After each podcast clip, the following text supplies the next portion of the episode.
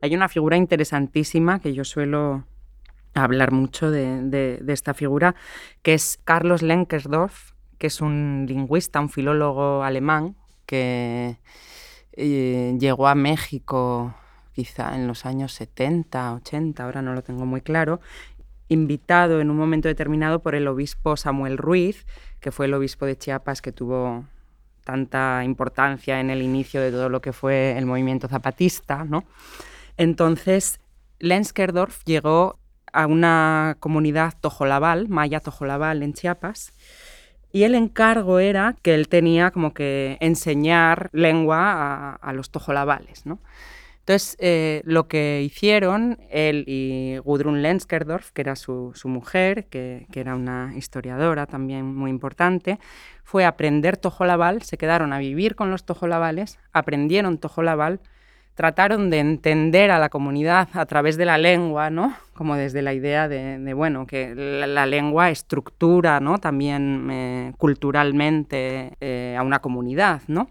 Y vieron cuáles eran las necesidades de esta comunidad y lo que la comunidad plantea, por ejemplo, es que querían traducir eh, la Biblia al Tojolabal, ¿no? Porque claro, era una comunidad católica, ¿no? Entonces eh, sentía como esta necesidad. Entonces ellos hacen todo un trabajo de eh, ayudarles a traducir la Biblia al Tojolabal. es, una experiencia de, largo aliento. No sé si conviven con ellos entre idas y venidas, pues más de 10 años, ¿no? Para, para aprender la lengua. Y entonces después Lenskerdorf, que mm, termina teniendo una cátedra en la UNAM, en la Universidad Nacional Autónoma de México, eh, publica varios libros en los que analiza el pensamiento maya tojolabal a partir de la lengua.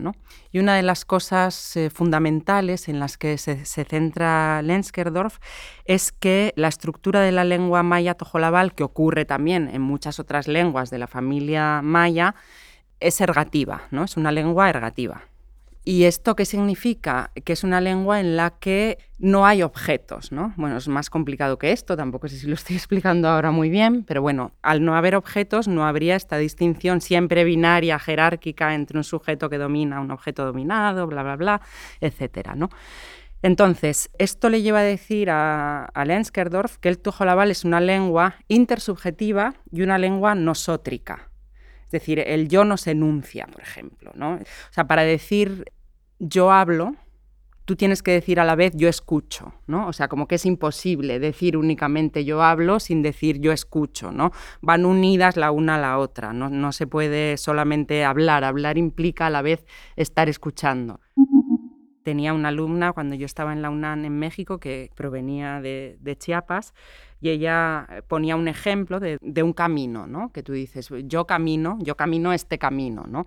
Entonces, en aquella lengua, para decir yo camino este camino, tienes que decir a la vez que el camino me camina a mí, ¿no? O sea, ahí hay este ida y vuelta en el que el camino, que es un objeto caminado por un sujeto humano superior, de pronto camina al, sujeto, ¿no? Entonces ahí se establece esta noción de, de intersubjetividad que Lenskerdorf relaciona también con todo lo que es el pensamiento eh, zapatista, ¿no? Y no solo el pensamiento zapatista, es decir, cómo funcionan las comunidades mayas a un nivel eh, asambleario, de decisión común, etc. Con esto mm, era para referirme a otras genealogías que no tienen que ver tanto con, esta idea de la academia gringa o la academia europea, ¿no? de, los estudios de la materialidad que están ahora muy de moda, o el agente de la Tour, etc.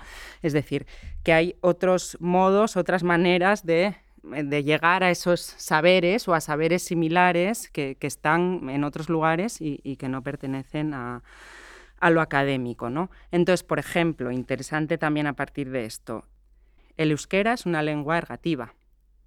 Es de hecho, como bien dice Lenskerdorf, además, que no entra a profundizar en el euskera, que se trata de la única lengua ergativa que existe en Europa. Bueno, la lengua más antigua de Europa, preindoeuropea, etcétera, etcétera. Entonces yo trataba de pensar, bueno, pero es que, cuando leo esto ¿no? y veo esa referencia al euskera en Lenskerdorf, me costaba mucho tratar de pensar qué había de, de nosótrico, de intersubjetivo en el euskera, ¿no? Porque en el euskera el caso ergativo eh, tiene que ver sobre todo con la K, ¿no? Es decir, que cuando el verbo es transitivo, es decir, cuando en castellano diríamos hay un objeto directo, el sujeto lleva una K al final. O sea, al sujeto se le pone una K, ¿no? En vez de yo es ni, eh, si yo digo yo voy, pues digo o yo iré, ¿no? Ni yo go nice es un verbo intransitivo, no hay objeto, con lo cual el sujeto se queda ni, ¿no? Pero si yo digo yo, no sé, comeré pan, pues digo ni o guía hango night, o sea, hango dut, ¿no? Entonces, Claro, ahí veis cómo se está transformando el, sujeto, ¿no? Entonces yo al principio no lo entendía y de repente dije, no, si es tan básico como esto, es que el objeto transforma al sujeto, ¿no? Y esto es muy claro en la estructura de la, lengua en el euskera, ¿no? O sea, fijaros, y es, es, fantástico, ¿no? O sea, se ve muy claramente en esa estructura lingüística como el sujeto no permanece idéntico. O sea, cuando hay un objeto, el sujeto se ve dramáticamente transformado por el objeto, ¿no?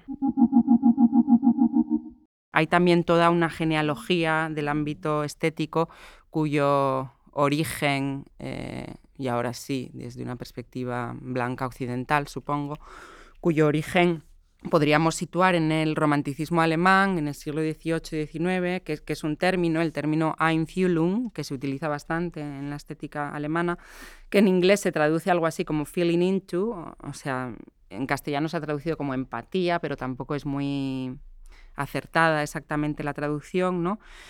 Y eh, ese término nos habla de cómo eh, las obras de arte de alguna manera eh, en aquel momento impactaban, transformaban a quien las contemplaba, ¿no? Claro, leído desde ahora, pues es un concepto que tiene sujetas, digamos, unas nociones de género, raza y clase que son muy fuertes, ¿no? Estamos hablando de, no sé, del, experto, crítico, mm, teórico, burgués, blanco, hombre del romanticismo, que como pertenece a una clase privilegiada, tiene el tiempo de sentarse a ser afectado profundamente eh, por la obra de arte, ¿no? Que es algo, eso, muy propio del romanticismo.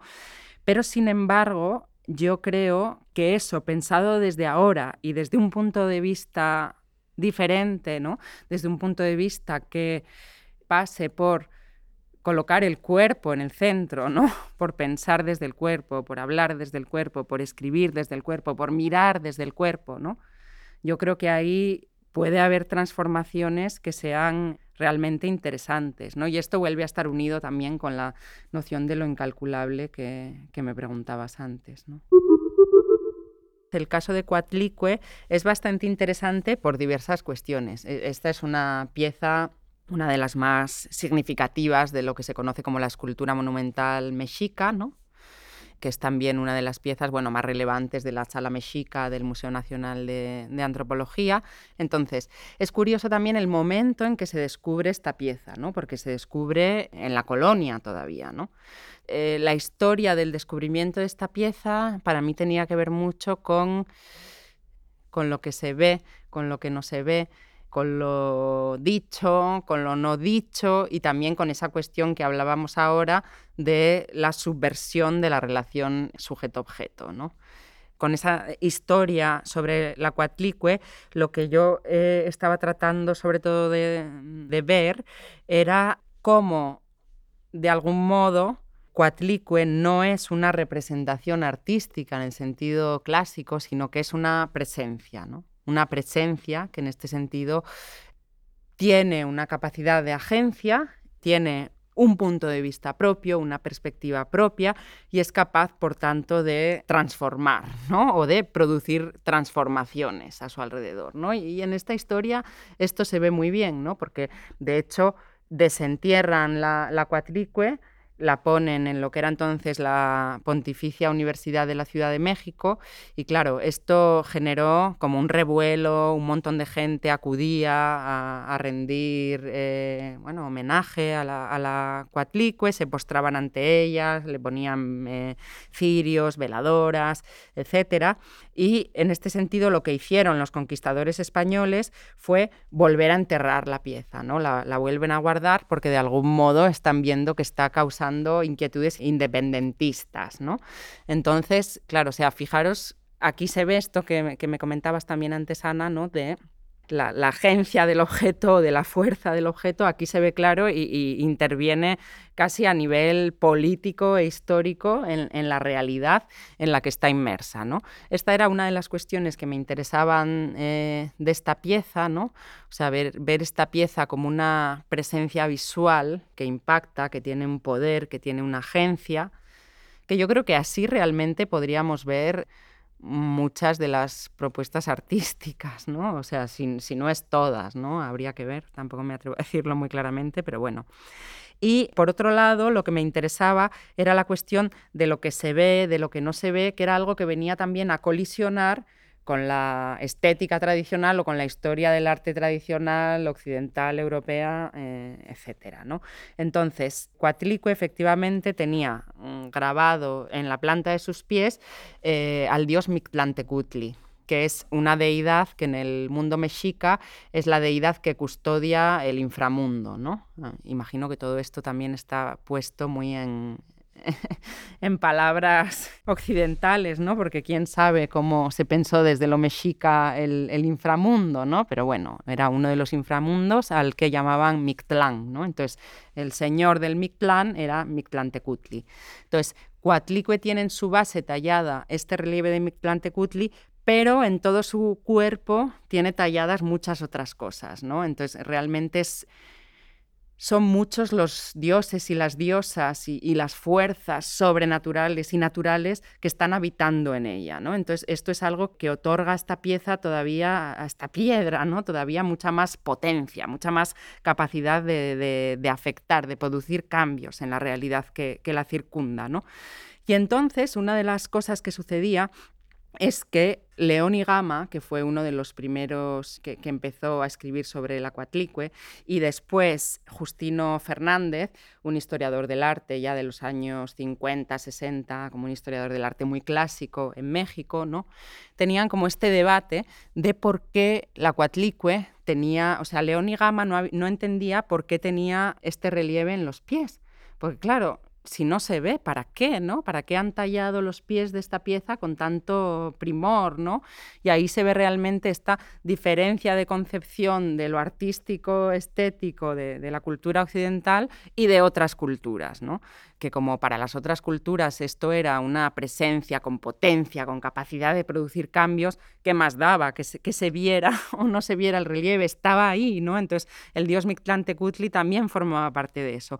Pero entonces generan la teoría incomprensible, eh, León y Gama, de que quizá la Coatlicue se mostraba como suspendida por sus codos, ¿no? como sujeta por los codos y suspendida para que desde abajo se le eh, pudieran ver los pies. ¿no? Entonces, claro, me parecía como muy interesante ver cómo eh, la, historia del arte tradicional, como eso de One Track Mind, ¿no? que dirían en inglés, de pronto la única explicación a eso era algo, algo tan rocambolesco como que la escultura había sido eh, colgada. ¿no?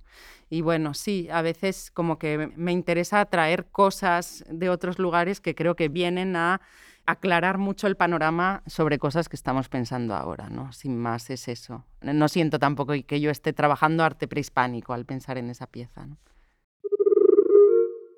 Sor Juana Inés de la Cruz creo que aquí, en el Estado español, como que se conoce poco, no ha sido trabajada, eh, está muy poco reconocida, pero esto es simplemente por una cuestión totalmente colonial y eurocéntrica. O sea, en México Sor Juana Inés de la Cruz es eh, la voz más importante de la literatura del siglo de oro, del siglo XVII, o sea, es, la autora más relevante de, la literatura barroca, ¿no? Entonces, eh, mm, para que te hagas una idea, aparecen los billetes de, de 200 pesos, la imagen es la de Sor Juana Inés de la Cruz, ¿no?